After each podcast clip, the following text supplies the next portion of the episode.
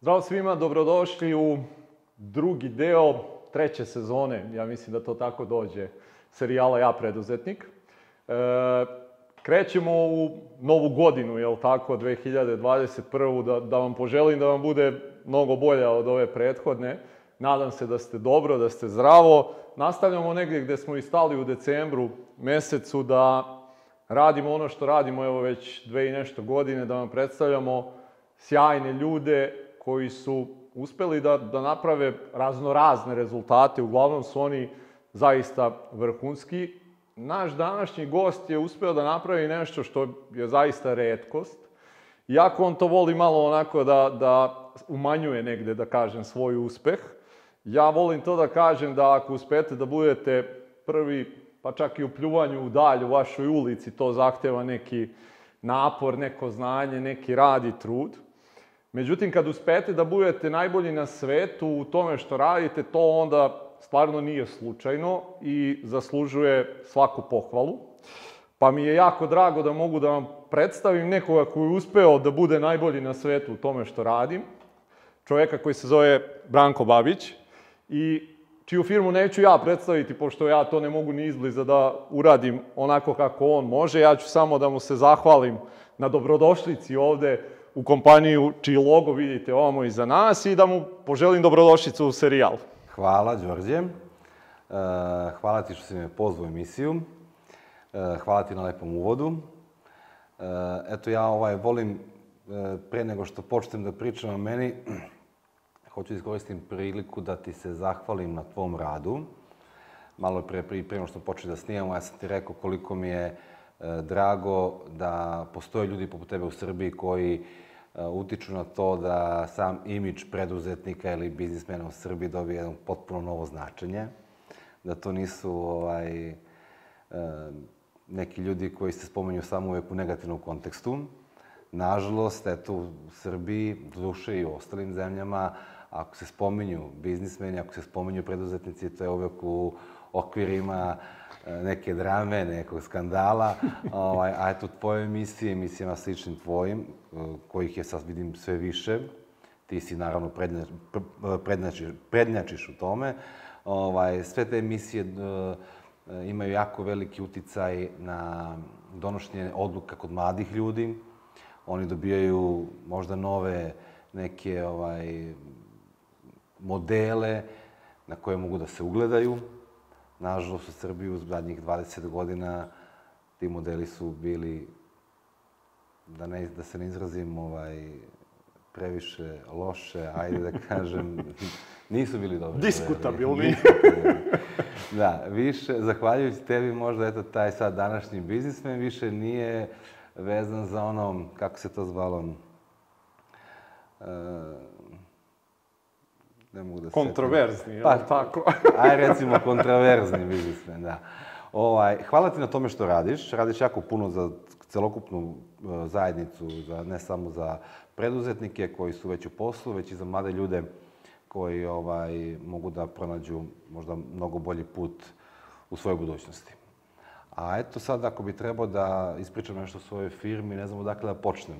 S obzirom da moja firma je jako mlada, postoji nekih šest i po godina, ali ovaj, rezultat, odnosno taj uspeh koji smo napravili, to nije rezultat tih rada šest i po godina.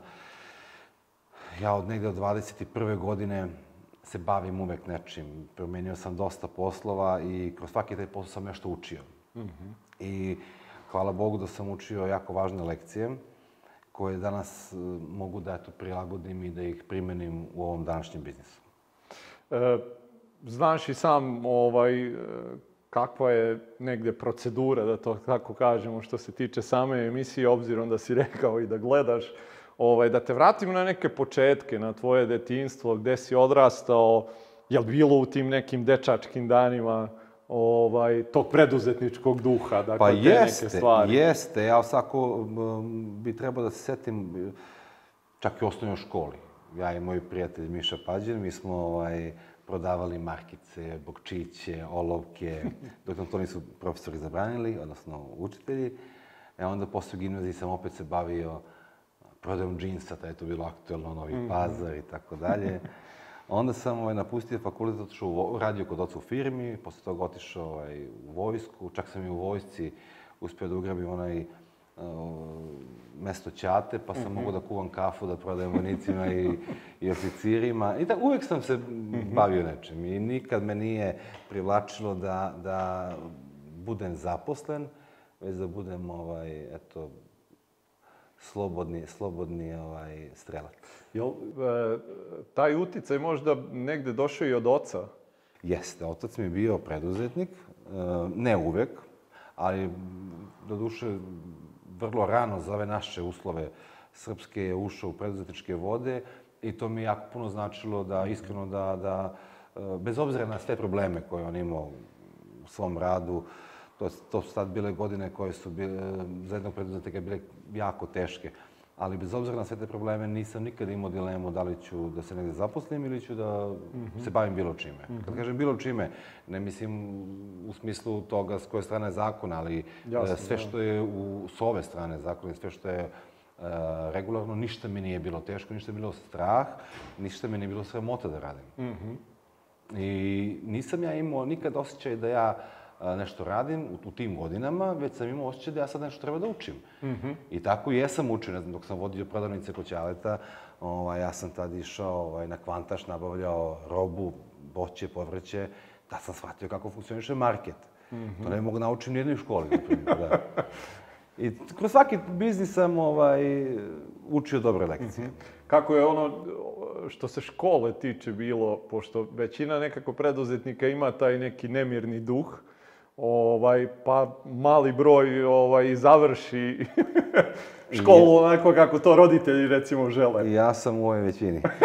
Ovaj, bio sam poprilično loš učenik i da kažem bio sam buntovnik jako veliki. Malo toga me zanimalo je ovaj, u školi, zanimala me filozofija i to je to. Pisao sam uh, maturski rad iz filozofije i to je jedina, ja mislim, petica koju sam ikad imao u gimnaziji. Ali, ovaj, ostalo je sve bilo nešto... Znate kako, kad ste, kad ste mlad čovek i razmišljate o tome gde ćete se udenuti negde ovaj, u budućnosti, ja nisam tad imao jasnu viziju ni sliku šta bih ja radio. I to je možda i dobro. Ali zato sam i upisao gimnaziju. Gimnazija negde u tom smislu obrazovanja bila dobar temelj da da se negde, ide negde dalje. Međutim, ja nikad kroz to školovanje u gimnaziji nisam znao, e sad sam se ja utemeljio u nečemu, znam gde ću. Do kraja školovanja nisam znao. Pa jesi li znao šta nećeš? Pa ni, znao sam, znao sam da, da neću da se zaposlim nigde, pogotovo ne u državnoj firmi. To mi je bila utopija i to bi za mene bio jako veliki poraz životni. Da, iako je to nekako i dan danas ovaj matrica, to smo malo pre baš spomenuli pre nego što smo počeli da snimamo, završi školu, zaposli se u državnu firmu, čekaju. Ne bi volio da me neko pogrešno shvati da sad ja kažem da je to ovaj, e, nešto loše raditi u državnoj ne, ne, firmi, ne. naravno. Ali u tom momentu, e, pa evo sad, na primjer, imate, imate onu emisiju Državni posao, koja na, na, možda na dobar način oslikava šta znači državni posao. U principu da se negde zavučete, grickate kao miš sirići i, i da je to, ovaj, da čekate penziju. Aha. Ovaj, jako sam imao veliko očekivanje od sebe, s tim da nisam ovaj, voleo školu, nisam mogao da se osnovim na to da ću dobiti šansu na osnovu nekih znanja velikih ili ovaj, da, ću, da ću zaslužiti neko visoko mesto u bilo kojoj firmi e, zato što imam preporuku škole, neku veliku diplomu i tako dalje. Biću potpuno iskren, čak i eto, kad sam završio gimnaziju, ja sam na nagovor roditelja upisao ekonomski fakultet u Subotici i onda samo, samo pomisao da ću biti tamo najmanje četiri godine. S obzirom kako sam bio učenik, to je bilo možda šest, sedam godina. A, I to je za mene bio ono, je, u glavi je ogroman period i jednostavno, hteo sam odmah da radim nešto. Šta god to bilo. Onda sam zaposlio kod Ćaleta u firmi, radio sam na ekstrauderu za proizvodnje sveća. Mislim, godinu i po dve dana. I onda je to bilo to teško vreme kada ovaj, otac imao firmu, bilo je tu otprilike neki 30 zaposlenih. I onda je ovaj, sarađivao sa velikim sistemima kao što su bili Rodići, ne znam, Mandići, ako se sećaš to sad, ne znam i da li postoji. E, odnos takvih velikih prema malima je bio kriminalan, u smislu da uzmete, oni uzmu robu od vas i posle 120 dana umjesto da plate, oni kažu kompenzacija. I onda ste primorani da otvarate markete da bi došli do žive love. Onda sam ja tako iz uh, tog problema prešao u Novi Sad da vodim jedan mali lanac marketa. I to je bio neki, da kažem, moj prvi e, samostalni posao u smislu da sam mogu sam da se organizujem, da nisam dobio jutro zadatke, nego da mm -hmm. sam ja mogao da, da ovaj, organizujem svoj rad. Mm -hmm. I tu mi je bila ovaj, prilično dobra škola Pantaš u Novom Sadu. -hmm. To je bilo, pa ima možda 20 godina od kad sam otišao prvi put na kvantaš i dok nisam shvatio šta znači cene u 12 u noću, šta znači cene u 6 ujutru, mm -hmm. ponuda, potražnja, odnos sa ljudima i tako dalje. E, srećan sam što sam imao tu priliku i da radim kod oca u proizvodnji, da naučim šta je proizvodnja, šta se tamo dešava, šta se radi, šta su procedure. Srećan sam da sam mogao da vodim te markete, da upoznam uh, tržište. Srećan sam uh, da sam posle toga napustio očevu firmu, čak nismo pričali šest meseci, bio jako ljut. Ovaj, međutim, ovaj, ja sam hteo opet nešto više, mm -hmm. nije mi to zadovoljavalo u momentu, pa sam počeo da se bavim prodajem garderobe. I tu sam takođe imao jako dobru školu, uh, sve su to bile neke male škole, e, velikih lekcija, koje su mi kasnije u ovom zadnjem poslu, evo tu gde sam sada, jako puno pomogle. A reci mi, veliki broj ljudi nekako ima, uh, ajde, ne znam da li je otpor prava reč, ali prodaja i sve oko prodaje je onako nekad malo uh, neprirodno, nelagodno. Ti sad dosta stvari spominješ tu koje su onako, da kažemo, trgovačke, po znacima navoda. Jel tebi to negde bilo onako urođeno? Pa, ovaj... E, bez obzira sa što mi jednim delom imamo e, kreiranje kurseva beauty industriji, proizvodnju proizvoda, prodavanje, e, kroz neki potpuno deseti sistem, ne lični, kao što je bio nekad, ja i danas sebe vidim kao prodavca. Mm -hmm sve što mi radimo je u, da kažem, nekoj srži prodaja. Mm -hmm. I kad pričamo o razvoju, i kad pričamo o brendiranju, i dizajnu, komunikaciji, društvenim mrežama, sve to na kraju svede da se nešto proda. Mm -hmm. A ja sam, ovaj, imam, mislim, imam dosta iskustva tu. Šta su možda tvoje neke lekcije važne vezane za prodaju koje si naučio? Uh, iskrenost, mm -hmm. samouverenost, uh, vladanje materijom. Mm -hmm. U principu, ne možete da prodate ništa kao proizvod. Morate da prodate sve to što imate u rukama kao neki benefit, da date novu vrednost, novo značenje ljudima kojima nudite da li je to usluga, da li je to proizvod. Mm -hmm. I to je kod mene je bilo jako važno da uh, uh, odredim sebe, na primjer, u tim društvenim mrežama koje su bile, danas su aktualne, naravno, mm -hmm. ovaj, da nikad ne prodajemo proizvod, da nikad ne prodajemo Uh, uslugu, već da uvijek pričamo o benefitu, da pričamo o tome šta će to doneti i zašto je to važno, mm -hmm. da podignemo vrednost mnogo više od onoga što tražimo za, za taj proizvod. Mm -hmm. I eto, tu smo, tu smo dobri, mm -hmm. poprilično. Naprimjer, evo, mi smo napravili kurs za crtanje obrva i ne prodajemo nikad kurs. Prodajemo opportunity, mogućnost za mlade ljude da se mhm. osamostale i naprave sobstveni biznis. Mm -hmm. Ako vam kažem da kurs košta otprilike 2000 evra, to je skupo. Ali ako vam mhm. kažem da sa 2000 evra možete da započnete sobstveni biznis i da zarađujete više od bilo kog doktora koga ste ikad videli i da napravite oz, mnogo ozbiljnu priču čak i na globalnom nivou, što mi kao akademija i nudimo, onda te 2000 su zanemarljive. Mm -hmm. I jesu, zaista jesu. Mm -hmm. Šta je neka sledeća stepenica? Spominjao si te markete. Ovaj, šta je došlo nakon marketa? Nakon, nakon marketa sam napustio onda oču firmu i počeo se bavim tom prodajom garderobe. Ja mislim da sam, a neću da preteram, ali vjerojatno u Srbiji sigurno, prvi koji je nešto počeo da prodaje preko Facebooka. Ja sam bio fasciniran time koliko ljudi je okupljeno na jednoj mreži, na jednom sajtu. Tad ne znam da li je bila aplikacija kad se pojavio Facebook. E, moja prva, da kažem, prvi osjećaj bio, ok, daj da nešto prodajemo ovde, daj da nešto radimo. Proradio taj trgovac da. u tebi. I napravili smo mi grupu, zvala se Alta Moda, koja je za nekoliko meseci okupila preko 300.000 članova. Što zamislite, objavite u grupu šta god, garderobe, bilo čega, ovaj, to se hiljade komada proda u bukvalno nekoliko sati. E onda, ovaj, s obzirom da su to bili fejkovi, to se tad mm. tako zvalo, zove se i danas, ali tad, za razliku od danas, tad nije to bilo nešto nelegalno. Mm. Obzirom da u Srbiji tad nije funkcionisao zakon zaštite intelektualne mm. svojine, zaštite uh, žiga i tako dalje, ovaj, to se kasnije promenilo i onda je odjednom moj posao postao nelegalan. Mm -hmm. I onda sam morao da izađem iz svega toga i da pronađem neki novi biznis. Mm -hmm. I imao sam, da kažem, tu sreću da od moje bivše žene prijateljica je ovaj, bila kozmetičarka i njena ideja je bila da otvorimo zajedno salon. Mm -hmm. I mi smo, ovaj, ja sam prihvatio naravno tu ideju, da budem iskren iz razloga što je velika količina tih žena koje, koje sam ja snadeo sa garderobom, su zapravo ja sam ih video kao neke kao neki potencijalni e, krug ljudi, odnosno kupaca za, i za te proizvode mm -hmm. u tom salonu.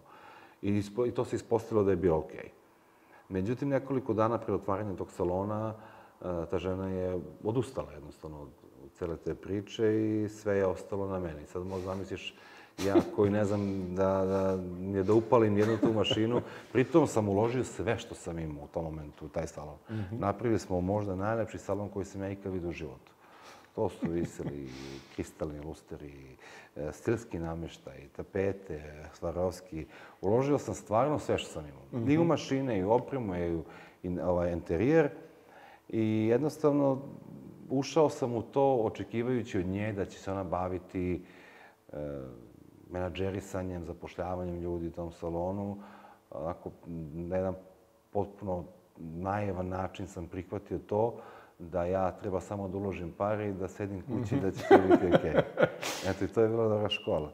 Međutim, e, u nekoliko dana sam uspela da pronađem ljude za, e, koji će raditi u salonu i sve to krenulo nekom, kažem, nekom dobrom smeru, u smislu da je bio sam održiv. Ja sam samo tad bio srećan da ne moram da ništa dotiram dodatno za plate, samo da bude sve na nuli, ja sam bio srećan. Mm -hmm. e, taj e, moment da sam u Srbiji to uradio je ključan, zato što sam jedino, možda ja mislim, u Srbiji mogao da se bavim e, nekim tretmanom, a da nisam završio školu za to, ili da mhm. nisam sertifikovan. Nažalost, u Srbiji dan danas možete se baviti bilo kojim beauty E, veštinom i da niste sertifikovani i to tako funkcioniše. Može i u Nemačkoj, naravno, ali tamo je potpuno drugačije regulisana ta grana. E, onda ovaj, u jednom momentu se desilo to da sam ja sasvim slučajno otkrio te nožiće za, za koje se mi se kasnije ispostavilo su za taj uh, microblading. Ja sam ih e, na pogrešan način koristio, ne znajući kako se koriste, i došao do nekih rezultata koji su bolji od onog načina na koji se zaista koriste. I tako je to sve krenulo i onda sam ja ovaj, e, u celu tu priču ubacivao puno nekih novina. Pa smo bacili šestor zlatnog preseka, odnosno FI 1618 prema 1, i ja po tome se danas i zovemo, FI Academy. Ovaj, ubacili smo dosta ovaj, aplikacija, za online učenje, za digitalno izučavanje simetrije, mm -hmm. puno nekih alata s koje smo mogli da, da, da ponudimo toj zajednici u, u sklopu neke aplikacije. E, poprilično sam bio dobar sa društvenim mrežama, što mi jako puno pomoglo. I jednostavno ta priča je preko noći buknula. Izvini, hoću da te vratim samo pošto znam za taj detalj. Kako izgleda otvaranje tog ovaj salona? jako, jako zanimljivo. U jednom momentu, pošto je bilo, glasna, bilo glasne muzike, bilo jako puno gostiju i neko jednog komšija pozvao policiju. I dolazi policajac, sećam se, Goran se zvao, čak se toga sećam.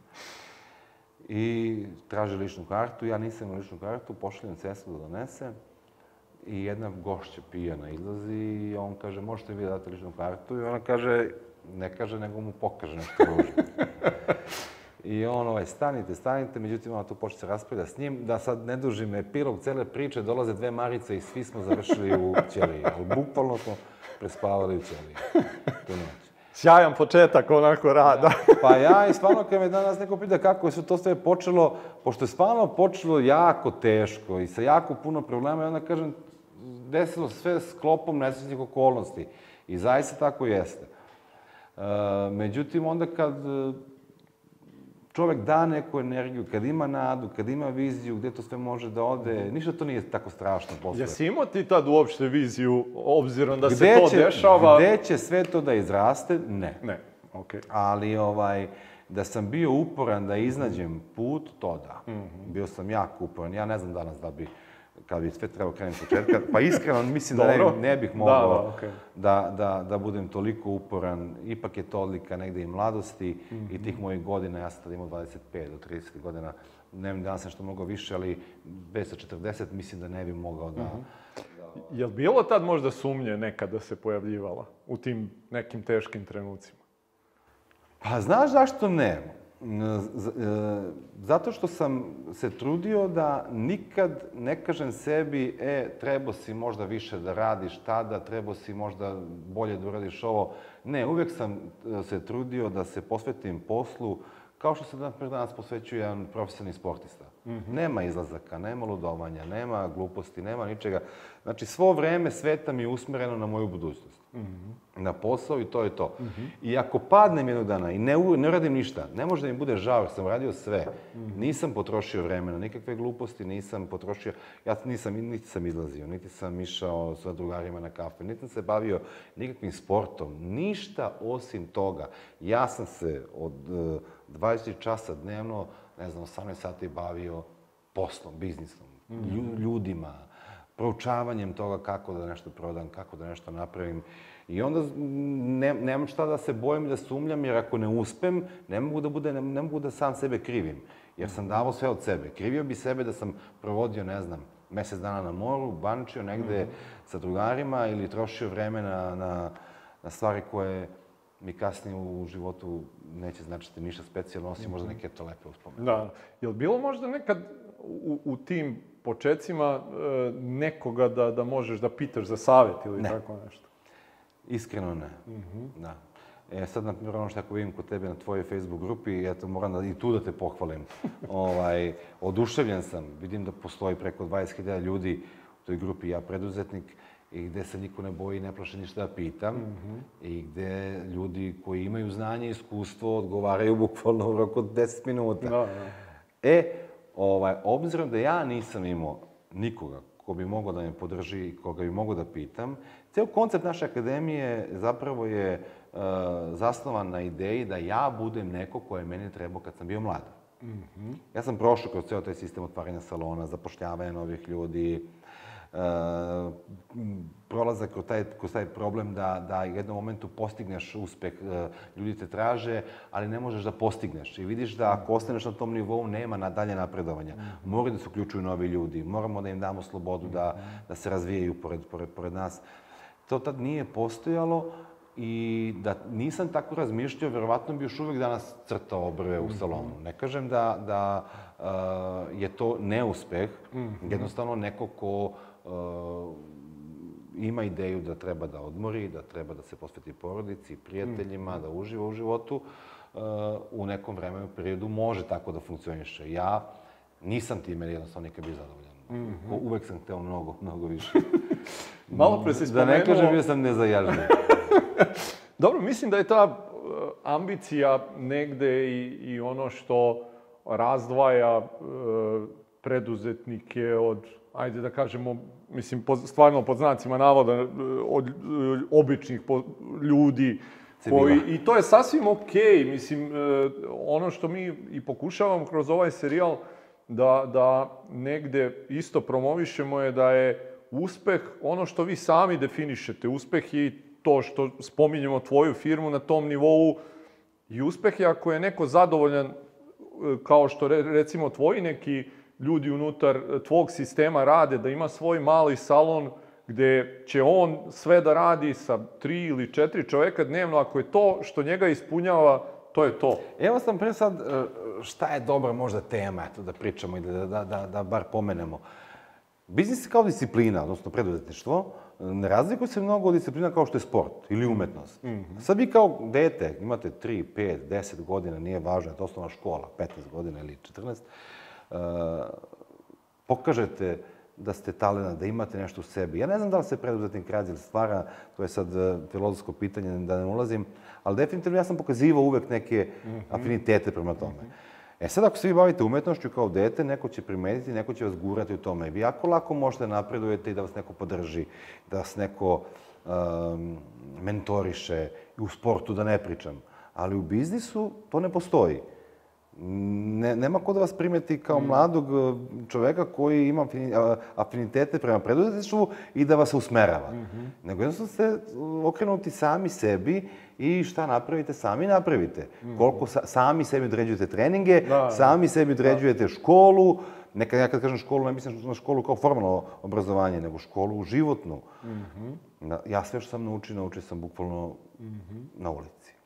Hoću da te vratim još malo pre, ovaj, si spomenuo taj zlatni presek koji je negde e, jako važna stvar za, za ceo tvoj uspeh, a koji je totalno nema nikakve veze ni sa kozmetikom, niti sa bilo čim.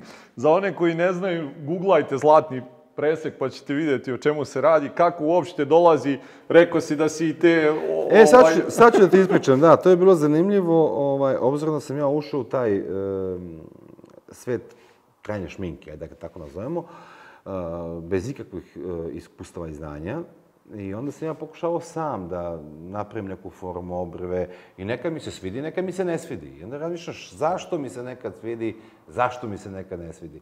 I sve to, možemo da kažemo, o ukusima se ne raspravlja, a ja se nisam zadovoljavao time. I uvek sam tražio način da vidim kako da ja to ovaj, usavršim, da bih nekog jednog dana mogu da učim toj metodi, da toga napravimo metodu.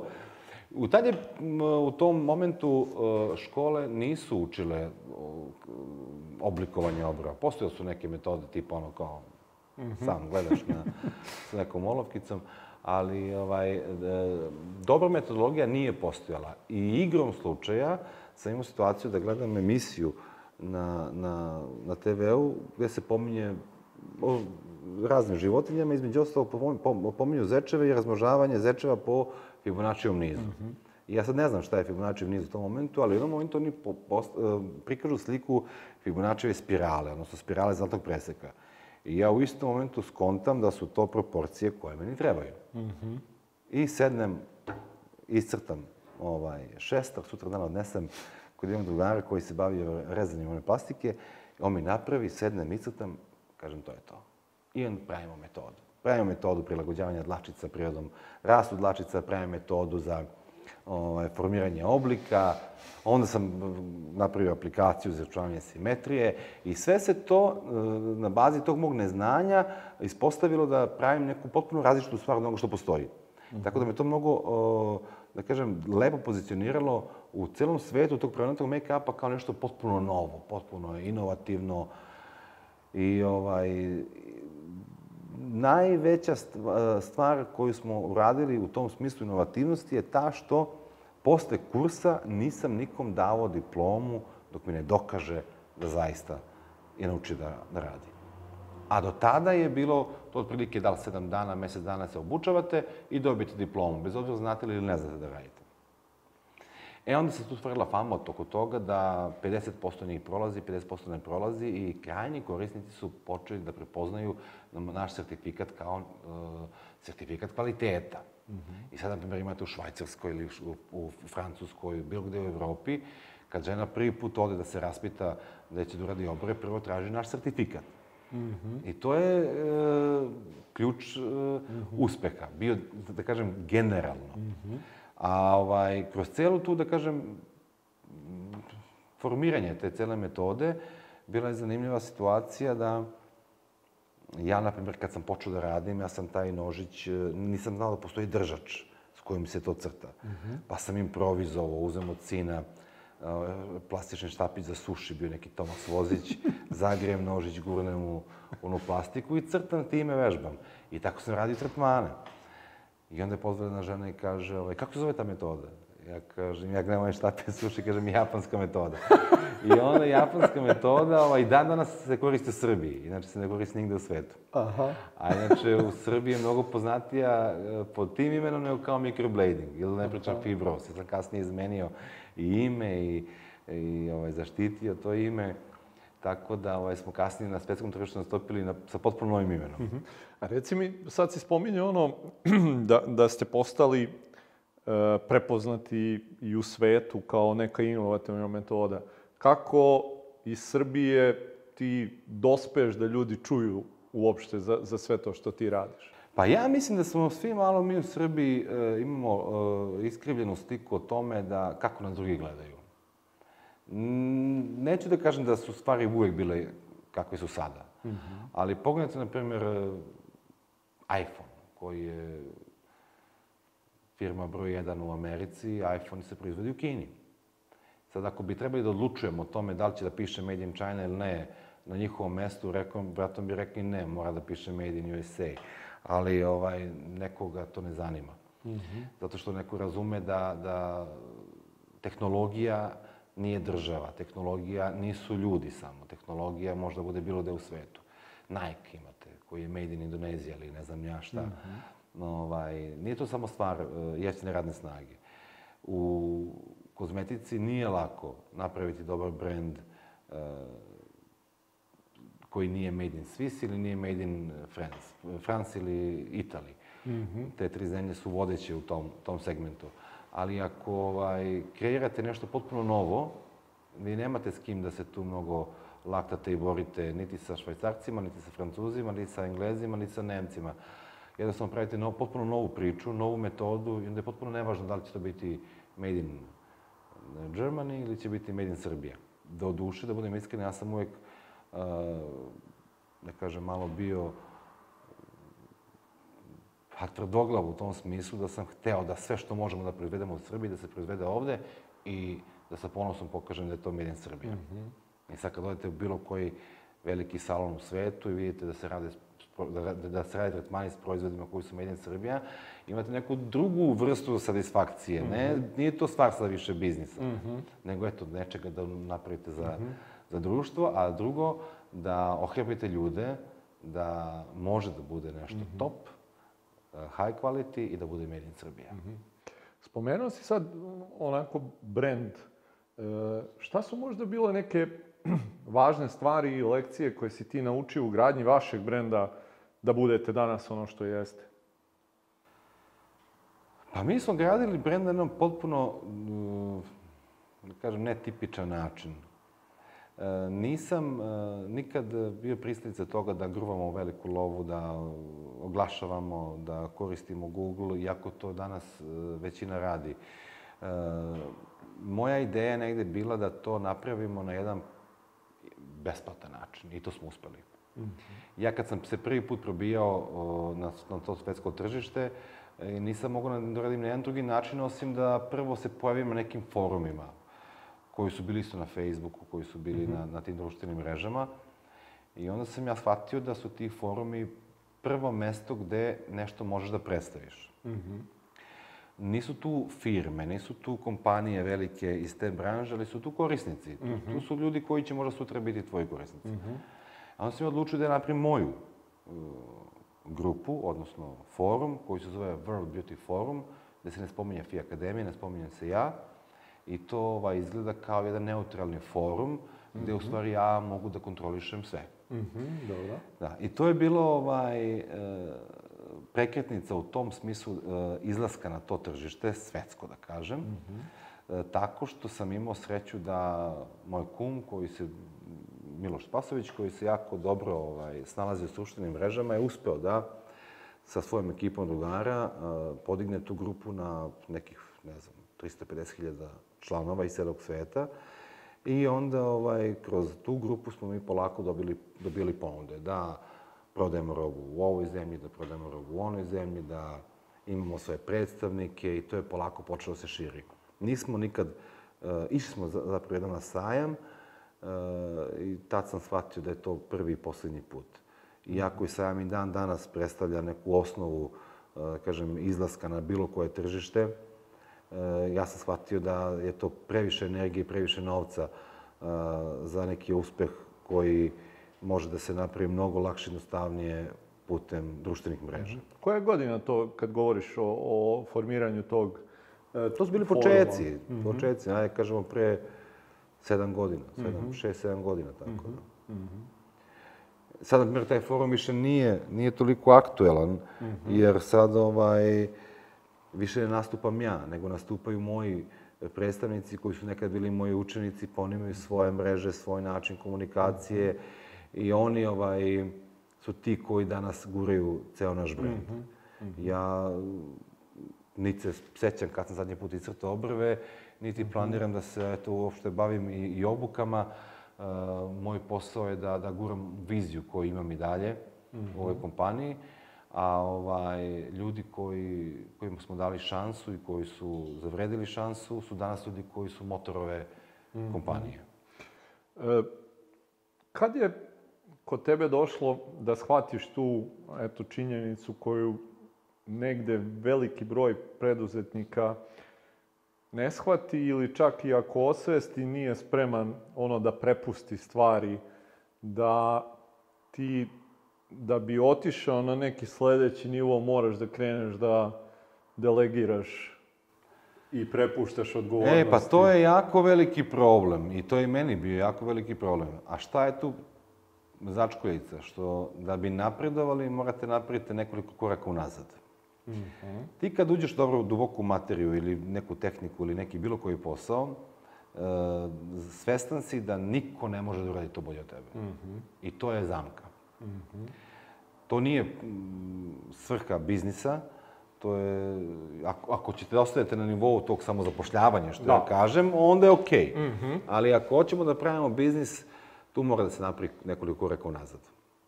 E, prvi put sam ja došao u tu situaciju da shvatim koliko je to neophodno kada sam imao toliko tretmana da više nisam mogao da postignem. Mm -hmm. I da sam morao da ubacim još jednu osobu. I onda sam znao da će se buniti klijenti, da će to loše uticati u jednom momentu na, na, na, i na imidž, i na ovaj, možda i promet, i na količinu klijenata. Međutim, opet sam znao da ili ću da ostanem tu gde jesam, ili ću da napravim jedan korak unazad mm -hmm. i da vidim šta će se desiti dalje. I ubacio sam jednu osobu, imali, imali smo jedno vreme dobru saradnju, kasnije smo se razišli zbog različitih uh, ideja opet o razvoju mm -hmm. cele, cele priče, ali to mi je bila dobra škola da shvatim da se ništa strašno neće desiti. I ako ona pogreši nekoliko puta, i ako nekoliko klijenata ne bude zadovoljno, ništa to nije toliko strašno koliko, je, koliko bi za mene bilo strašno da ostanem na tom levelu. E to mi je, na prvi, bilo prvi put kad sam naučio da za veliki biznis, osim velikih ideja i dobrih ideja, je jako važno da naučimo da delegiramo ljudima mm. i da im damo, da ih naučimo kako da donose odluke. Mm -hmm. Reci mi, e, pretpostavljam isto to saznanje dolazi opet isključivo iz ličnih nekih razmišljanja. Nema nikoga da ti kaže, e, Branko, to treba tako. Da, dolazi iz ličnih razmišljanja, dolazi iz e, iskustva. Ja, meni nije bilo, na primjer, lako. Ok, ja sam tu osobu lako našao za, za tretmane, ali kasnije kad smo se razvijali, kad je trebalo ljudi e, e, da se, da se, da, da se angažuju ljudi koji su i u marketingu, i u financijama, i u uh, slanju robe, ne znam, organizaciji, uh, logistici i tako dalje, imao sam jako puno problema. I ne, bilo bi ne, suludo očekivati da upoznate osobu, da date vašu ideju i viziju da neko to krene da radi. Mm -hmm.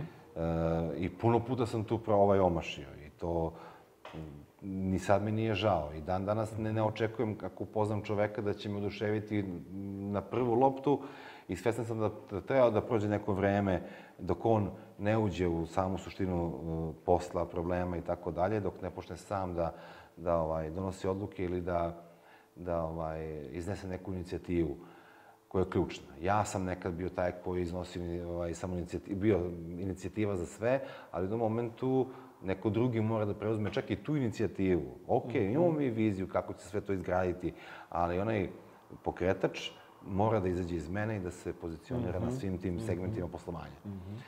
E onda sam imao jako puno, da, hteli smo da organizujemo prodaju uh, robe iz Evropske unije, tad nismo mogli da organizujemo to iz Srbije, ne znam ni, ni, ni danas da li bi mogli, iz prostog razloga što su bile jako, uh, jako bilo teško organizovati slanje DHL-om ili nekom poštom u Lupom, Ameriku, Nemačku mm. i tako da je trajalo jako dugo i koštalo je jako puno.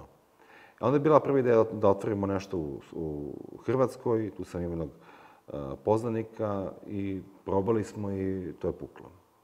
Onda sam a, pokušao to u Nemačkoj sa jednom isto poznanicom, međutim, ovaj, krenuli smo, otvorili smo firmu, ali nije funkcionisalo.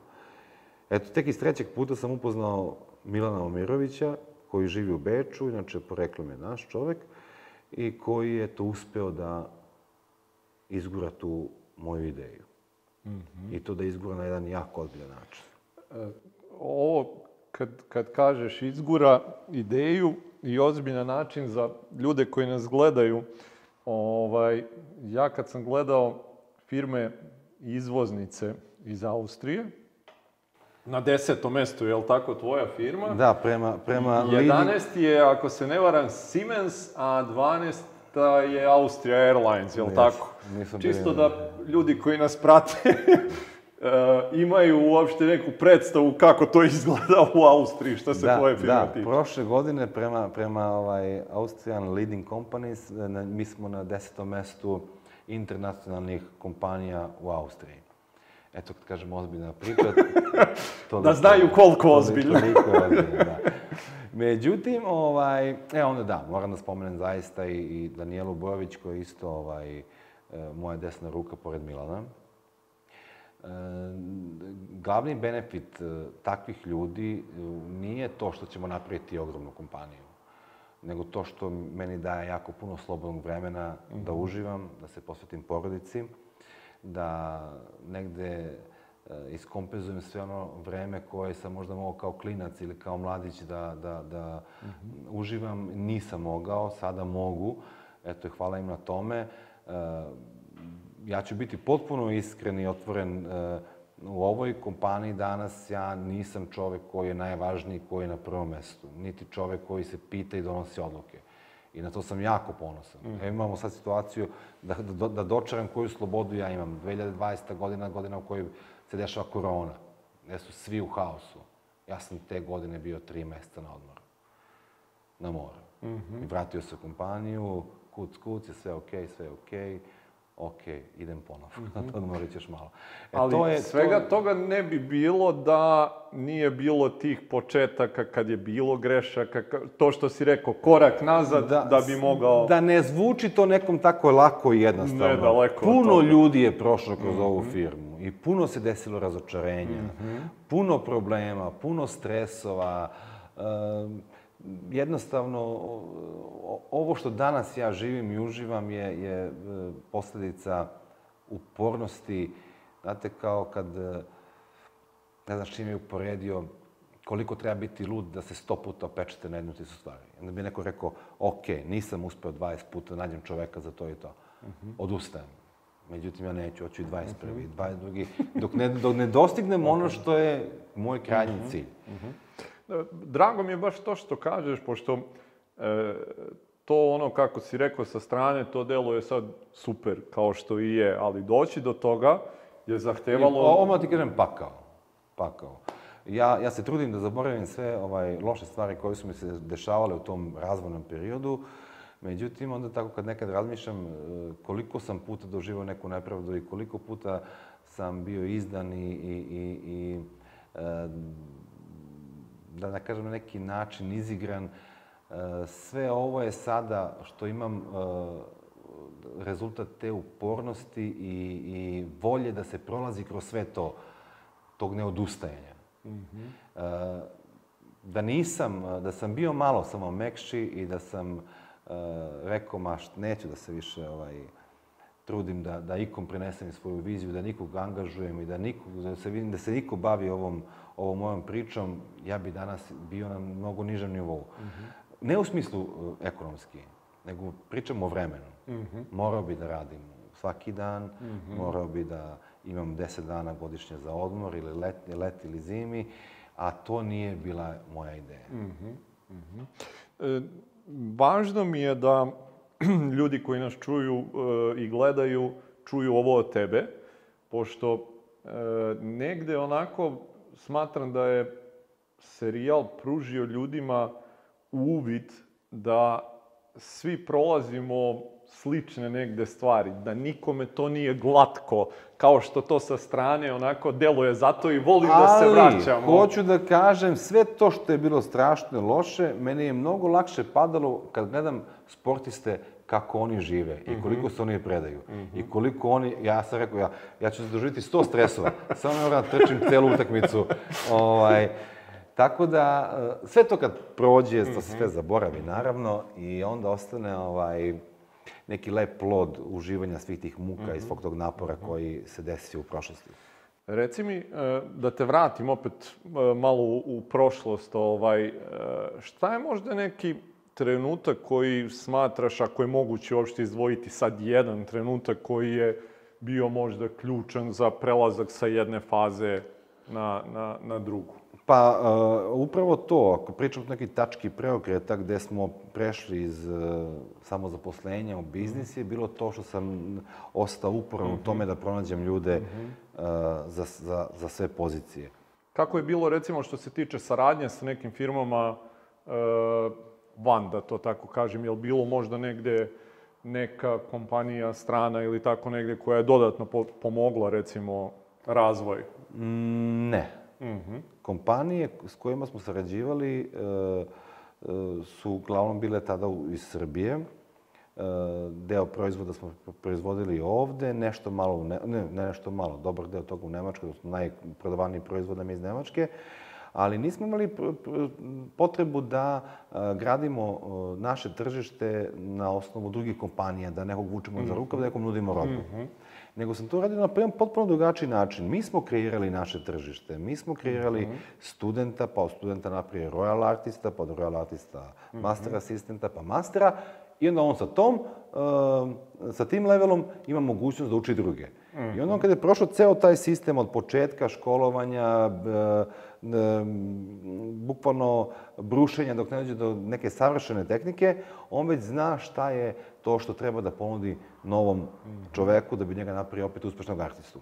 Tako da naše tržište nije zasnovano na drugim kompanijama. Mi smo mi sami sebi, da kažem, pravimo, pravimo To, tržište. to i pitam jer, e, eto, ti si na neki način, da, vezano za taj sistem. E, kako je došlo do toga da, da se on kreira, da to tako kažem? Da. E ovako, i to je sad isto zanimljiva priča što smo ja u jednom momentu imao jako veliku dilemu da li ću sada ja da obučim lupno 100, 200, 300 ljudi iz Srbije i da ih šaljem po celom svetu. Oni mogu da rade za platu, mogu da rade za procenat, ili ćemo da se baziramo na tome, na toj ideji da e, naše najbolje studente, gde god da su u svetu, njih guramo i promovišemo da ne budu naši zaposleni. I odlučili smo se za tu varijantu i to se na kraju ispostavilo mnogo bolje. Zašto? Zato što ne može neko da ode iz Srbije u Nemačku i prvo je jako komplikovano zbog cele procedure, a drugo, e, ne znate kako funkcioniše tržište u Nemačkoj.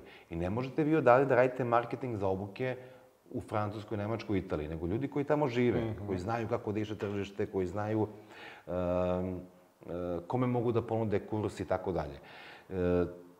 U startu to je bila mnogo skuplja varijanta, jer smo mi tada imali mnogo manji fi na, na toj varijanti.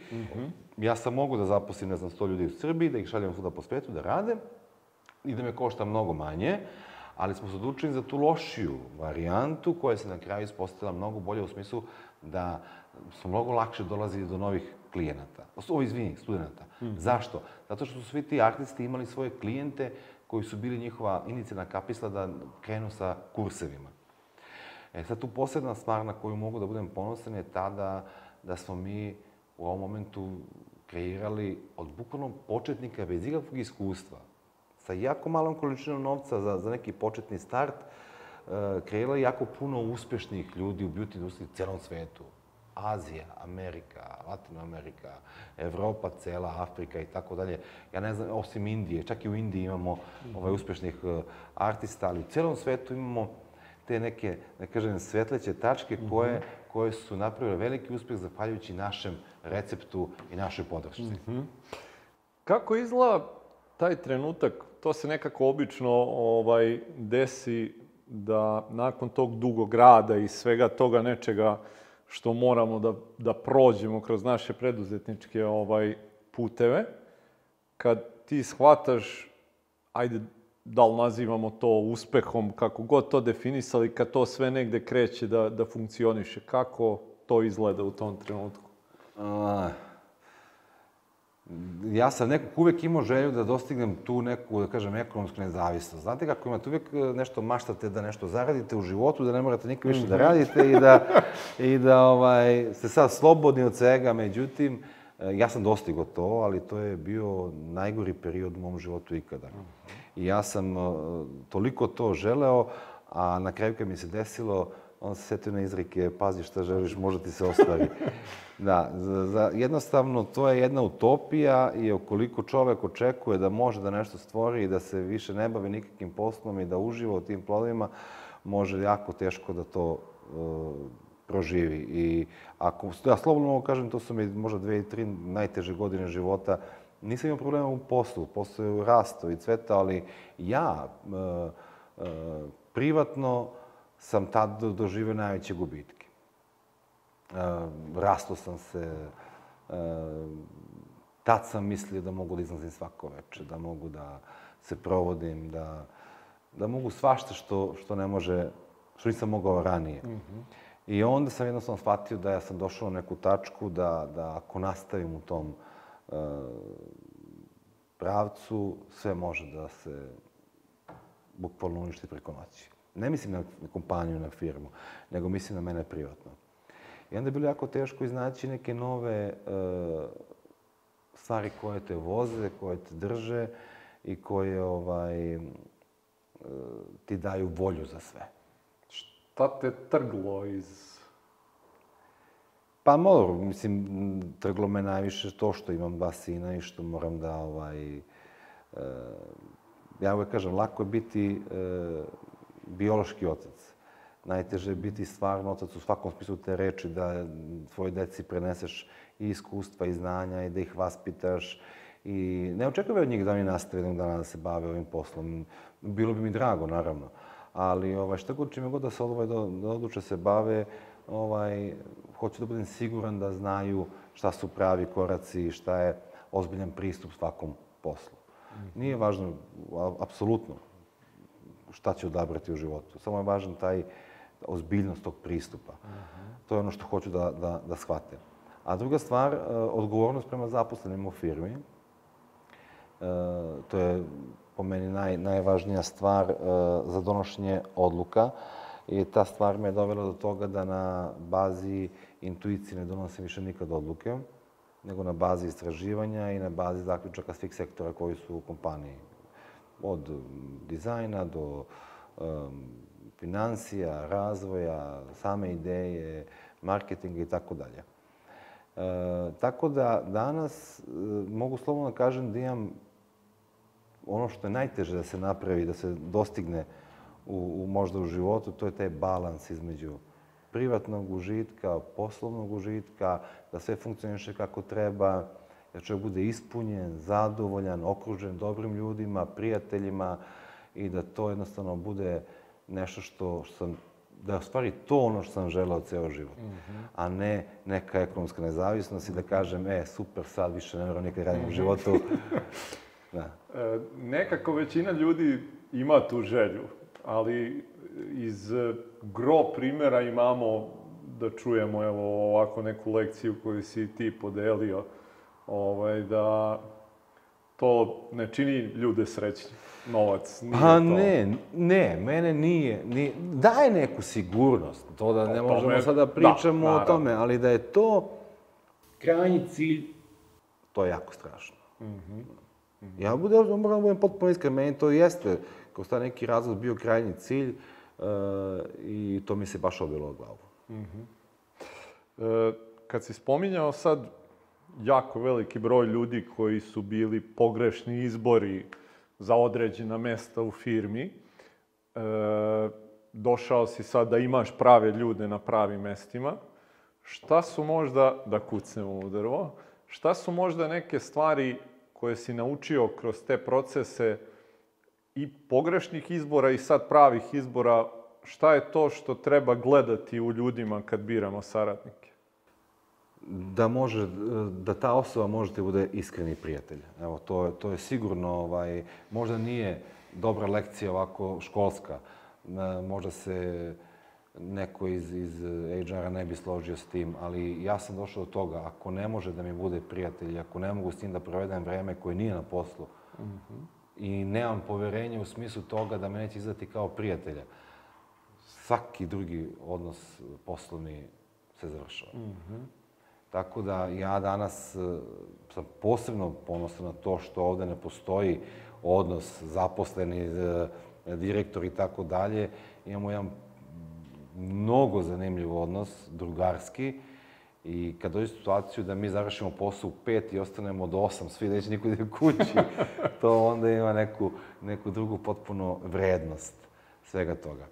A uh, ljudi s kojima sam okružen, osim ljudi koji su novi, koji su dolazili kako se firma uh, razvijala, eto, to je opet jedna zanimljiva stvar, su većina ljudi njih su ljudi s kojima sam odrastao. Mm -hmm. Ne znam, s nekim sam proveo 30 godina, nekog poznajem 20 godina, s nekim sam bukvalno od rođenja zajedno i većina ljudi u kompaniji ovde danas su ti ljudi, ljudi s kojima sam ja rastao. Mm -hmm. I u koje sam uvijek imao poverenje, neograničeno. Mm -hmm. Spomenuo si malo pristo ovaj, vezano za odluke da si shvatio da ne mogu biti na intuiciju. Kako je, je li to došlo usled neke greške koju si imao ili jednostavno još jedna faza razvoja kad shvataš da to... Ne, ne, ne znam, to je jako teško reći da li je došlo usled, usled greške. E, ja nisam nešto ovaj, e, baš, e, da kažem, za tu ideju da je sve stvar izbora nisam, mislim da izbor može se uradi i ovako i onako, to nije po meni toliko važno, koliko je važno da u tom izboru koji ti napraviš, ozbiljno pristupiš da guraš tu svoju ideju. Niko nije napravio izbor uh, između loše i dobre ideje. Obe se čine kao dobre. I ako imaš ideju i viziju da i svaka može da bude dobra, ona stvarno može da bude dobra. Međutim, onda kad pričamo o toj odgovornosti, nisam srećan da napravim izbor, da ga iz ne, bilo kog načina uh, ili razloga ne izvedem uh, i ne, ne realizujem, uh, da on bude negde tamo u pozadini donešen na nekoj uh, intuiciji. I onda volim da svi učestvujemo u tome. Mm -hmm. Kao što sam malo pre rekao, i dizajn, i istraživanje tržišta, način na koji jednog dana možemo da to promovišemo kao proizvod ili uslugu s marketinčke strane, uh, volim da puno nas donese odluku i da svi kažemo to je to. I onda uh, guramo svi zajedno u nekom pravcu koji smo sami odredili. A ako bi ja rekao, ja sam donesem odluku, kažem idemo danas radimo to i to, onda ovaj, koliko to ne uspijem iz bilo kog razloga, mislim da bi se jako loše osjećao. Mm -hmm. E sad, da budem opet potpuno iskren, puno odluka ja jesam dana u životu bukvalno intu, intuitivno i pokazalo se kao da su dobre odluke. Mm -hmm. Ali opet kažem, da se to pokazalo kao dobra odluka ili je ta moja snaga da izguram to u tom pravcu koji sam ja zamislio, to je sve veliko pitanje. Imali smo situaciju da smo 2016. godine a, trebali da odlučimo, stvari ja sam trebao da odlučim da li ćemo da pravimo online obuk ili ne. Mm -hmm. Da smo imali tad bora direktora, da smo imali tad, ne znam, puno ljudi koji se pitaju, ne bi ovaj, se odlučili ovaj, za to.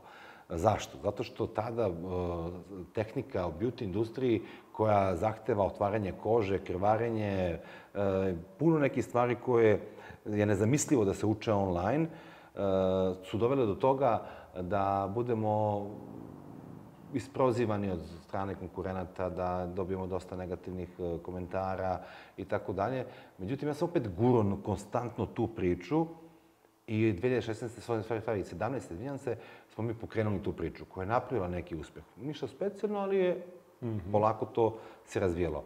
E sad ove 2020. godine to je bila mir odluka koja nas je spasila. Mm -hmm. Bukvalno kako je došao lockdown u sve zemlje u kojima smo držali obuke, obuke više nisu mogle da se drže live, ta linija tih živih obuka je padala, ova linija online obuka je rasla i mi smo zadržali taj konstantan rast koji smo imali od samog početka. Ali zahvaljujući toj odluci, mm -hmm. koja je tad bila možda potpuno suluda, mm -hmm. a eto, danas je ispostavilo da je, mm -hmm. da je potpuno okej. Okay. Koliko je ljudi danas u organizaciji? Pa to mi Ajde jako, da podelimo to mi, to i ovaj jako, deo... To mi je jako teško da kažem, jer ja ovaj... E, imam poseban pristup ljudima koji, su, uh, koji se zapošljavaju u firmi.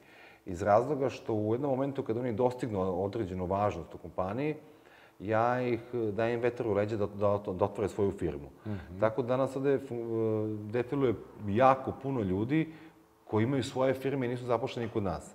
Sad ako me pitaš koliko zaposlenih ima u Srbiji, ja mislim da je to oko 76 ljudi, a koliko stvarno radi? Pa bar duplo, ako ne i tri puta mm -hmm. više. Mm -hmm. To su kompanije koje rade samo za nas. Mm -hmm. Neko se bavi dizajnom, osnoje svoju firmu i funkcioniše samo za nas. Neko se bavi kreiranjem kontenta, isto ga nateramo da otvori svoju firmu i da radi za sebe. I onda se tu desi jedan potpuno drugačiji odnos mm -hmm. um, gde i oni crpe naše to tržište koje mi, mi, koje mi dajemo, a opet s druge strane rade za nas i ceo, ta, ceo taj način sagledavanja biznisa na taj način B2B, a ne kao, mm -hmm. kao zaposleni prema, prema mm -hmm. kompaniji, je potpuno uh, drugačiji u smislu mm -hmm. i odgovornosti, jer i oni sad imaju svoje zaposlene mm -hmm. i znaju uh, da to funkcioniše na jedan potpuno drugačiji način. Imaš i predstavu uopšte na globalnom nivou koliko ima ljudi koji su uključeni u sistem? Pa hiljade, hiljade ljudi. Mm -hmm. da. Okay. Možda preko pet hiljada ljudi. Mm -hmm. e, iza nas ovde isto onako jedna zanimljiva stvar koja je imaće ljudi prilike da vidi i, i, i samu zgradu ovde i sve, ali onako e, kad uđete u zgradu i vidite Alena Delona onako sa e, nekom e, statuom gde, gde drži logo FI Akademije, pa pored njega je Paris Hilton, pa je tamo Naomi Campbell, pa si tu isto ti sa jednom fotografijom na kojoj držiš UNICEF-ov, odnosno ček za UNICEF od nekih 100.000 eura. Pa bih hteo samo da, da e, čujemo pozadinu svih ovih slika. Odakle Alan Delon tu? Da, pa Alan Delon je bio moja želja. Pošto ja kad, bi, kad sam bio mali, to mi je bio idol. I svi smo govorili da smo lepi kao Alan Delon, da. Uh, a ostale ličnosti iz tog sveta biznisa, uh, samo da objasnim, lako je um, pronaći osobu koja će reklamirati kremu, koja će reklamirati uh, šampon, majicu, garderobu, to nije problem. Ali, gde ste videli poznatu osobu koja reklamira botoks, na? Ne, ne, to neće niko.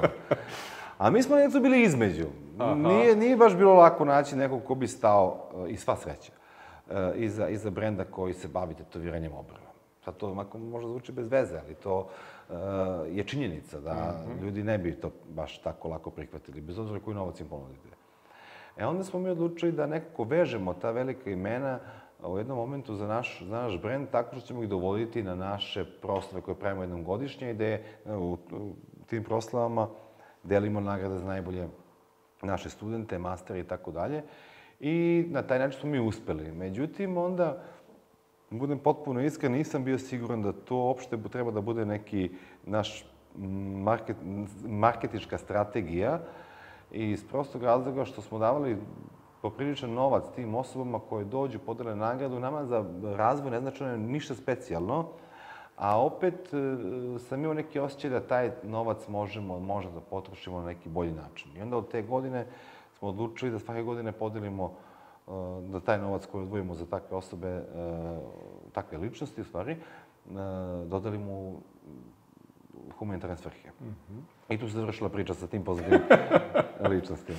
E, kad e, dođe do toga da osvestiš da, eto, i to neko vraćanje zajednici, hteo bih da, to, to je onako još jedna zanimljiva činjenica, ti u Ratkovu, jel tako, odakle i potičete, imate proizvodnju i tamo koja je zaposlena nekih 50 ljudi ili tako, tako nešto, da. jel da? Ove, ovaj, pa ja, ja sam, e, rođen sam u Odžacima, živeo sam i, od, i odrastao sam u Ratkovu, to je malo selo u Vojvodini, koje sad ima možda 2-2,5 hiljada stanovnika.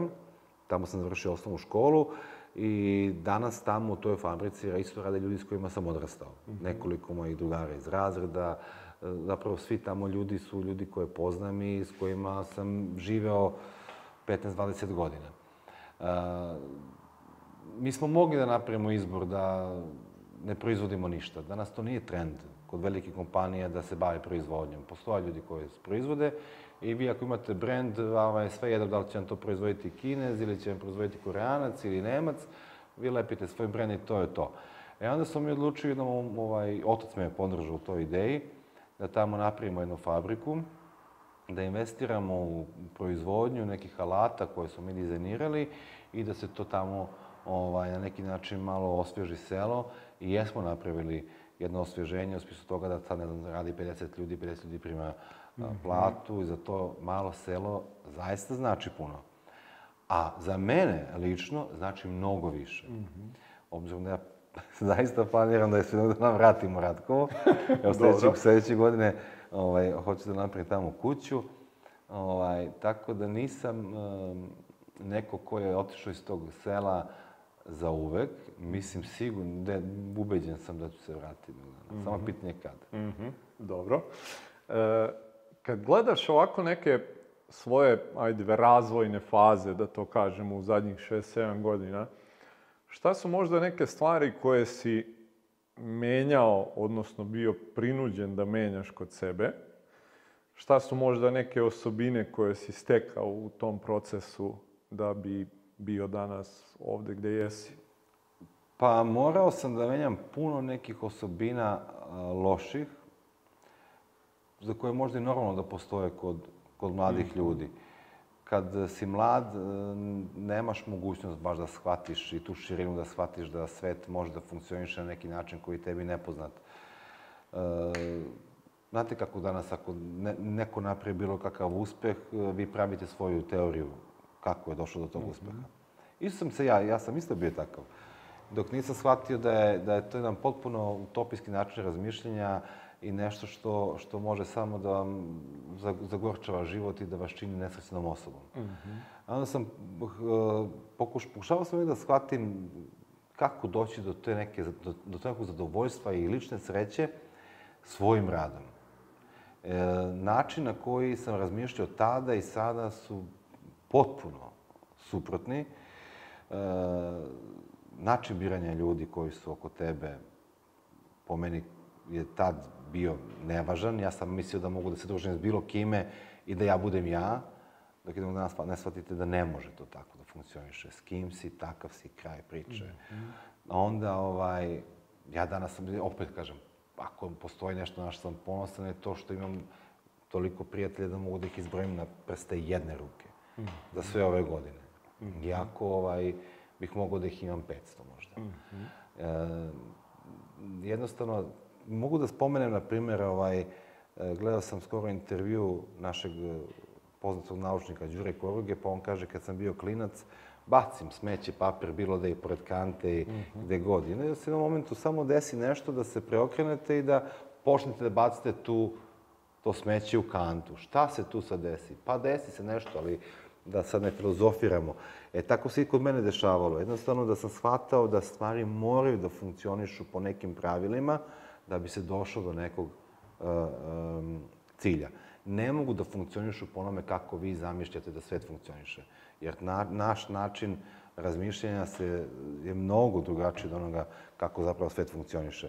Moraju da postoje pravila koja moraju da se nauče, koje moraju da se poštuju, pa tek kad ih dobro savladate, onda možete da budete neki ozbiljan baja koji možda pravi nova pravila. Mm. Ali ako se ne igra po nekim osnovnim pravilima, ne može da se dostigne po meni nikakva ni sreća ni zadovoljstvo.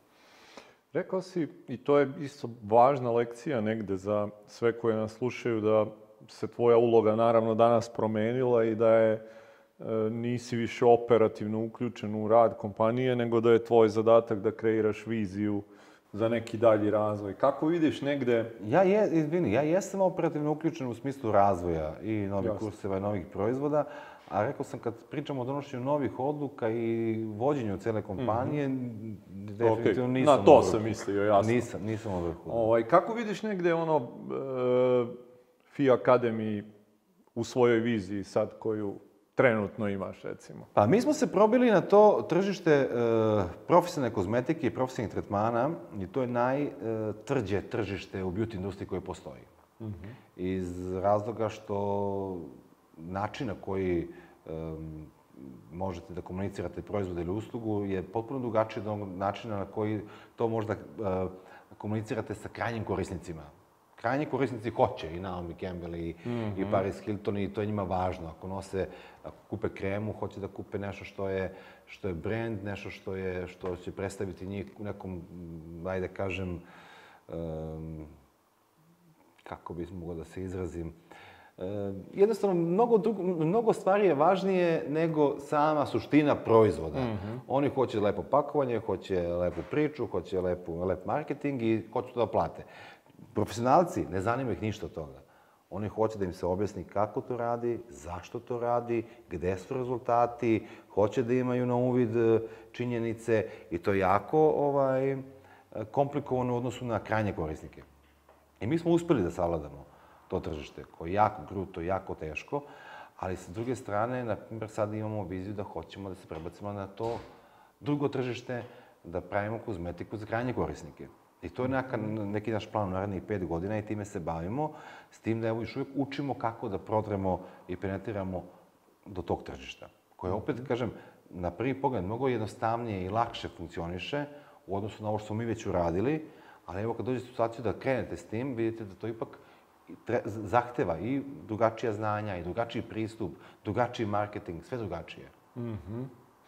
E, Gde će biti, izvini, nisam, nisam da, da, ti odgovorio. Okay. Ovaj, moram da budem iskren da nemam uh, vizije u smislu uh, veličine kompanije, obrta. Mm, to nije nešto čime, čime se ovaj, zamaram u glavi. Uh, da sve ostane do kraja kako je i dan danas, ja ću biti prezadovoljan. Ono što je moj osnovni cilj je da imam, da sam zadovoljan svojim privatnim životom ovaj, i to je, to je sve. Mm -hmm. Gde će biti kompanija? Pa ne znam, nismo proroci. Možda ne bude nigde, možda bude još deset puta veća ili sto mhm. puta veća, ne znam. Trudimo se da zaista raste. Mm -hmm. I svi se trudimo. Dok će porasti, ne znam. Niti sam ja mogu što imam predstavu dok sam bio neko ko drži salon, u koju, u kom smeru može ovo sve da ode. Nisam imao predstavu. A sam se trudio. Evo isto kao što danas. Mm -hmm. e, to neko e, prepoznavanje, tako prilika uz put u, u samim počecima, kao ti kad si sa, sa salonom bio, mislim da je to negde i neki normalan razvoj da ljudi je dobro i da čuju te neke stvari. Ok, na kasnijim nivoima ti onda moraš da praviš neke planove i strategije razvoja, ali eto i ti si rekao, nisi znao gde ćeš, šta ćeš, kako ćeš, ali si imao želju.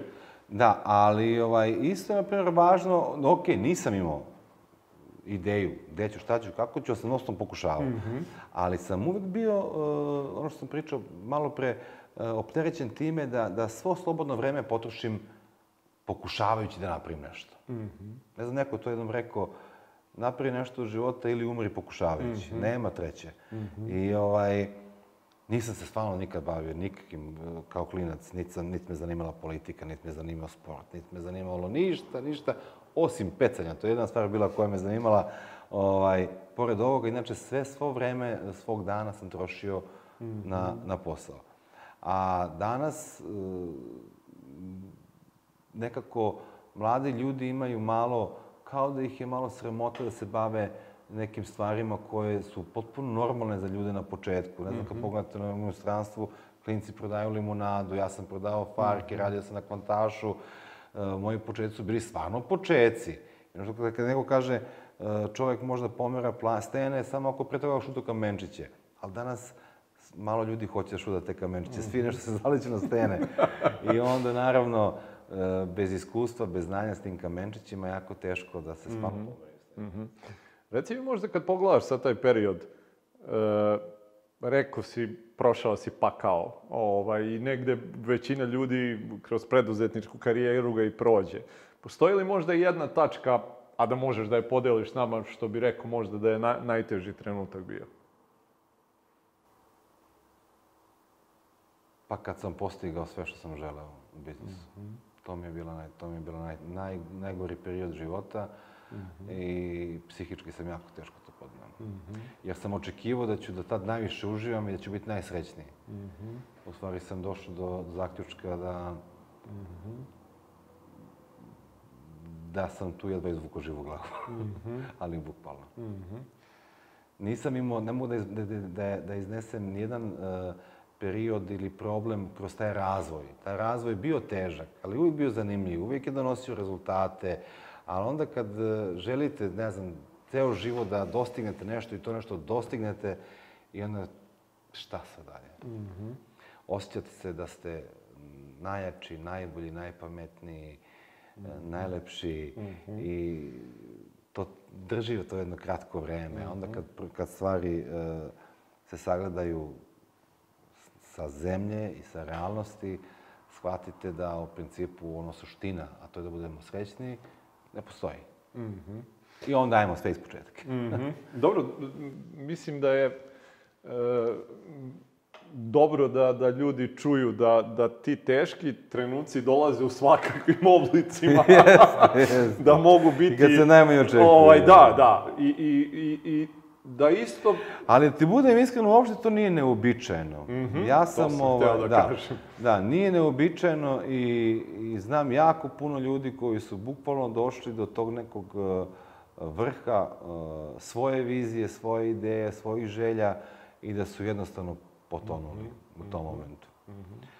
Tako da treba biti eh, psihički jak da se podnese uspjeh. Mislim da je to, o, jako lepo si to rekao. Psihički jak. I, I da, to je negdje isto sa organizacione strane nešto što često govorimo ovaj, e, i ljudima i kompanijama sa kojima sarađujem da e, uspeh može bude jako opasan i organizaciono. Ako vi narastete jako brzo, da to isto može da uruši sve. Ali i ovo je isto važno Da. što si ti rekao i sa Da. psihičke Mi strane. smo imali ta 2018. godine odluku da 2019. godina, godina bude e, stagniranja, da bi mogli da e, uključimo resurse koji bi mogli da iznesu takav rast. I To smo mi uradili, to nama nije bio neki veliki izazov. Mi smo jednostavno blokirali i zaustavili sve projekte. Rekli sad moramo da se ovaj, da lepo popunimo taj naš temelj, pa ćemo polako da, da sve ove naše zamisli guramo u 2020. godini. To se i ostvarilo, bez obzira na koronu. Ali eto, ne znam, pre tih godina, kad mi se desilo to što, što sam najviše očekivao i što, to je nam taj moj naj, najteži period života, mi je u stvari u principu opet jedna škola. Da. I da se nije to možda desilo na takav način, eh, ja sad to pričam kao da ne znam šta bilo, ali ništa specijalno nije bilo, osim što se nisam osjećao ispunjeno ni malo srećno, kako sam ceo život očekivao da ću da, da se osjećam srećno. A onda shvatim da jednostavno taj proces nekog stvaranja mora da bude cilj. E, Važno je, eto, to sve što deliš sa nama iz tog razloga, jer smatram taj nekde preduzetnički put, pored i tog finansijskog dela, da je isto jako važan taj razvojni naš put koji se dešava i mentalni, i koji na negde način je e, u tvom slučaju, evo, definitivno potvrda, pošto često ljudi kažu e, da imam novac, lako bih sve. I onda e, mi je negde tu jako važno, eto, to što si ti izneo, da, da u principu možeš finansijski da budeš uspešan i to izuzetno, a da taj negde mentalni i emotivni ovaj, e, progres ne dostigne potreban nivo i da onda to dovede Tako u problem. Da. I to se, i to se obično dešava, eto, kad se to na meni desilo, onda sam malo istraživo i shvatim da nije neobičajno, kao što sam malo pre rekao, a e, desi se obično kad se uspeh desi mladom čoveku i koji nema puno iskustva i nije sazreo. E, ja u tim godinama sam bio potpuno jedan nezreo čovek, e, mladić, ni blizu onoga što sam danas. I to mi je drago, drago mi je da napredujem u, u tom segmentu, ne samo u, u biznisu. Ajde da, da sad kad smo već tu o- o- i pričamo oko tih nekih stvari, da, da se dotaknemo možda saveta za one ljude koji su na počecima, a, bilo da, da su ušli u preduzetničke vode, bilo da, da razmišljaju o tome. Šta su neki saveti koji bi ti sad mogao da im daš? Jako je teško dati savet koji je ovako univerzalan. Različiti biznisi zahtevaju različite savete i ja jesam neko od koga ljudi često traže savet. Ali ja, da budem potpuno iskren, da bi nekom mogao da dam savet koji zaista nešto vredi, ja moram duboko da uđem u tu tematiku i to meni zahteva jako puno vremena. Da uđete u nečiji biznis treba mi mesec dana. Ja uspem nek, ponekad da, da, da, da dublje uđem u nečiju problematiku i da kažem to treba ovako, ovako ili onako ali ovaj, generalno savet zaista ne znam, osim da pritom sad neke stvari koje već svako zna, to su ta upornost, želja, ambicija, to je to. Ali e, savet koji stvarno nešto vredi, može dođe samo iz duboke analize nečeg biznisa dok, da i da otkrijete probleme, bagove tog sistema. A možda sa te mentalne strane, gde kažeš da si se onako dosta u zadnjih par godina ti razvio. Šta bi možda mogao sa te strane da daš kao neki savet? Znači, ne poslovni, nego ajde ljudski možda, taj razvojni. Pa ne znam, opet iz te strane e, svako ima svoj put. Nije, nije svako ovaj, građan od istog materijala. I, i, inače nisam nešto ni pobornik tih saveta i tih izreka o biznisu, šta treba, šta ne treba.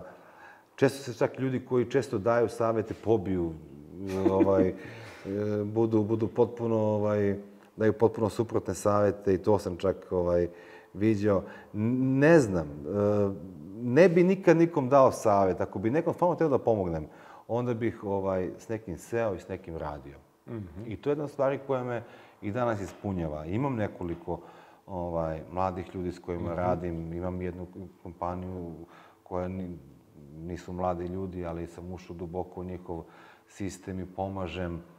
Ne radim to naravno za novac, nego mm -hmm. eto jednostavno opet neka potreba da se, da se mm -hmm. to znanje i iskustvo koje imam isteko sam u mojoj kompaniji, samo preslikam na, na neke druge firme. Eto, to, su, to, su, to je način na koji ja mogu da pomognem. Mm -hmm. A da sad kažem, evo, radi to i to, da ti dam ovako na prvu savet, mm -hmm. malo mi je mm -hmm. e, neozbiljno. Jel ima nekoga danas kime se ti onako, ajde, konsultuješ ili razgovaraš oko nekih stvari, ne klasična možda vrsta mentorstva, ali eto, neko sa kime ti možeš da, da govoriš o nekim stvarima na neko možda malo intimnijem nivou. Pa to su moji najbliži saradnici. Mm -hmm. Su Daniela i, i Milan iz, iz Beča, a ovako da je neko van kompanije, ne. Mm -hmm. S tim da naravno volim da, da ovaj, pratim kompanije koje za nas aktualne u svetu, gledam način na koji oni rešavaju svoje probleme i kako ovaj, se pozicioniraju, kako rastu. I manje više sve to, ovaj, e, da kažem, predanost koja mene mnogo ne privlači. Mm. Opet, kažem, sad se vraćam, možda ne znam po koji put, nisam neko ko, ko ovaj, e, ima ambicije sad da umre mm. i da radi do, do stote godine i da budem u kompaniji. Mnogo me sad više privlače neke druge stvari i hvala Bogu da imam ljude oko sebe koji mi omogućuju to. Mm -hmm. A reci mi, kad, kad kažeš, eto, pratiš i dešavanja, e, kakvi su neki načini kako ti danas dolaziš do novih znanja? Je li to preko nekih knjiga ili... Uglavnom istraživanjem. Da. Knjige, same knjige, knjige, opet isto kao što ja kažem, teško mi dan savjet, tako mi teško da pronađem knjigu koja će mi dati neke informacije koje su vezane za moj biznis. E, međutim, kad se bavimo istraživanjem odlukama, kako ćemo nešto da, da, da sprovedemo delu ili kako ćemo napraviti da kreiramo novi proizvod, onda se bavimo stvarno dubokim istraživanjem, bukvalno na naučnom nivou. Čitaju se rad, naučni radovi, čitaju se istraživanja, e, gledamo šta su činjenice, pravimo testove, Uh, jako, jako je dugačak i ozbiljan taj proces dok ne dođemo do nekog novog saznanja šta treba da izbacimo na mhm. tržište. Mm -hmm. I ono što je najzanimljivije, često rezultat toga bude nešto potpuno suludo što vam nikad nije palo na pamet. Mm -hmm. Ali na kraju se ispostavi da je to to što fali tržištu. Neki točkić tamo koji mm -hmm. mi nismo videli da fali. U tom smislu uh, ja mogu da dođem do novih znanja. A kroz samu knjigu mogu da dobijem možda malo veći polet, da malo dobijem više energije za posao, a kao što vam preko, to mi nije toliko mm -hmm. uh, značajno. Uh, tako da ne mogu da kažem da sam neko ko čita jako puno knjiga i, i, i, i bavi se time. Mm -hmm. Mislim da su knjige jako dobre za, za mlade ljude koji možda fali malo energije, malo e, poleta. E, meni ne manjka. Ne mogu da kažem da to je jedini razlog iz kojeg ljudi treba čitaju knjige.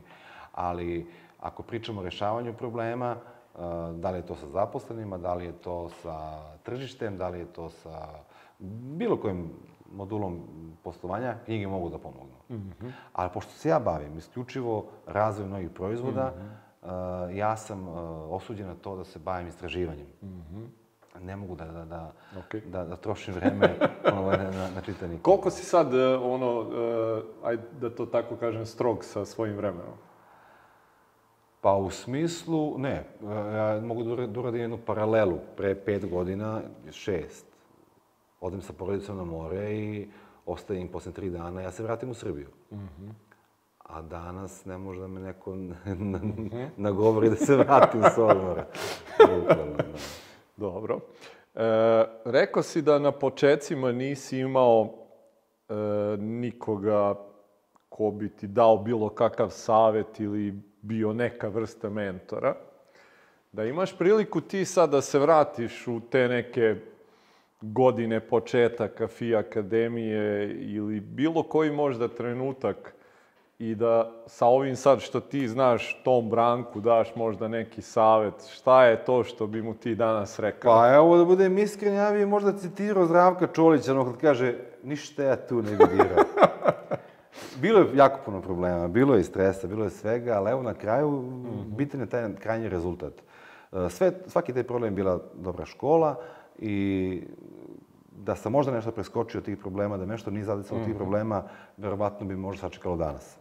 Mm -hmm. Tako da, zahvalan sam svim problemima, svim mukama, svemu što sam prošao i stvarno ne bi Mm -hmm. Ništa ja to ne vidio. Mislim da je to zaista i onako negde sjajan savet. Većina nas u tim nekim e, trenucima kad prolazimo te neke teške stvari razmišlja, Bože, Da. Što mi se ovo dešava, da. ne shvatajući da je da. to baš to što nam treba. Da, jako je sad teško kad je čovjek povređen, kad je čovjek iznerviran, mm. stresiran, da razmišlja o tome pa okej, okay, to je za neko dobro, ko zna, znaš, kažu stari ljudi, ko zna za koje je to dobro. Tako. I stvarno se to ispostavi jednog dana posle puno godina da je to bilo za neko dobro. Just. Ali sad treba biti jak toliko i reći, ba dobro, kakve veze ima, ajde, guramo dalje i mm -hmm. vidjet ćemo za čega će biti dobro. Da, da. A ja sad danas, kad, malo prije sam rekao, uh, kako je sve ovo danas skockano na, na, na bazi nekih loših uh, iskustava od pre i problema, uh, sad evo tek vidim da svakim danom vidim da neki problem koji izdese u prošlosti je zapravo bio nešto što danas izgleda mnogo bolje nego što bi izgledalo tada kad se to desilo. Tako je. Ok, mislim da je to stvarno onako jedna lepa stvar da završimo ovaj naš razgovor. Hvala ti puno na odvojenom vremenu. Ovaj, mislim da e, nemaju ljudi stvarno e, prilike toliko često da čuju ovako iskustva koja su dragocena I pogotovo ono sa početka što sam rekao, napraviti nešto što si ti napravio za ovako kratko vreme je neverovatno i iz e, zemlje koja je onako jako mala i mislim da ti treba stvarno i da budeš svima onima koji negde nađu zamer koje ne može iz Srbije, evo vidite da može. Ne, ja, ja, imam, ja imam tu potpuno drugačiji ovaj stav o tome. Ja mislim e, da je Srbija e, možda najbolja zemlja koju sam ja video e, za startupe i za početak novog biznisa. I ja to smatram. IT resursi, e, masa kreativnih ljudi u smislu dizajna, mm -hmm. marketinga i tako dalje. E, I sve mnogo i još uvek jeftinije nego što je inostranstvo. Apsolutno. Tako da, ovaj, mladi ljudi imaju nenormalan potencijal danas mm -hmm. da, da mhm. krenu da se bavi bilo čime i da to o, izraste brzo u dobru pri, I, priču. I...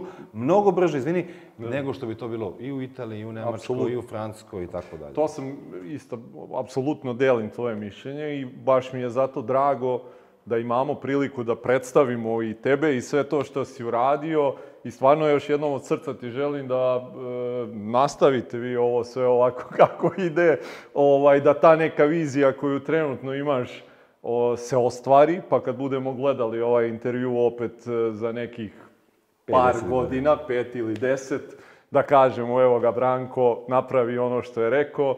I stvarno svako dobro ti želim i privatno i poslovno i da, e, pošto znam da si u grupi, da evo kažem svima koji nas prate da siguran sam šta god te budu pitali da će dobiti odgovor. Samo da me taguju. Samo to. Da. Puno ti hvala na svemu. Hvala i tebi, hvala i vama što ste ponovo bili sa nama. Vidimo se sljedeće nedelje. Prijatno!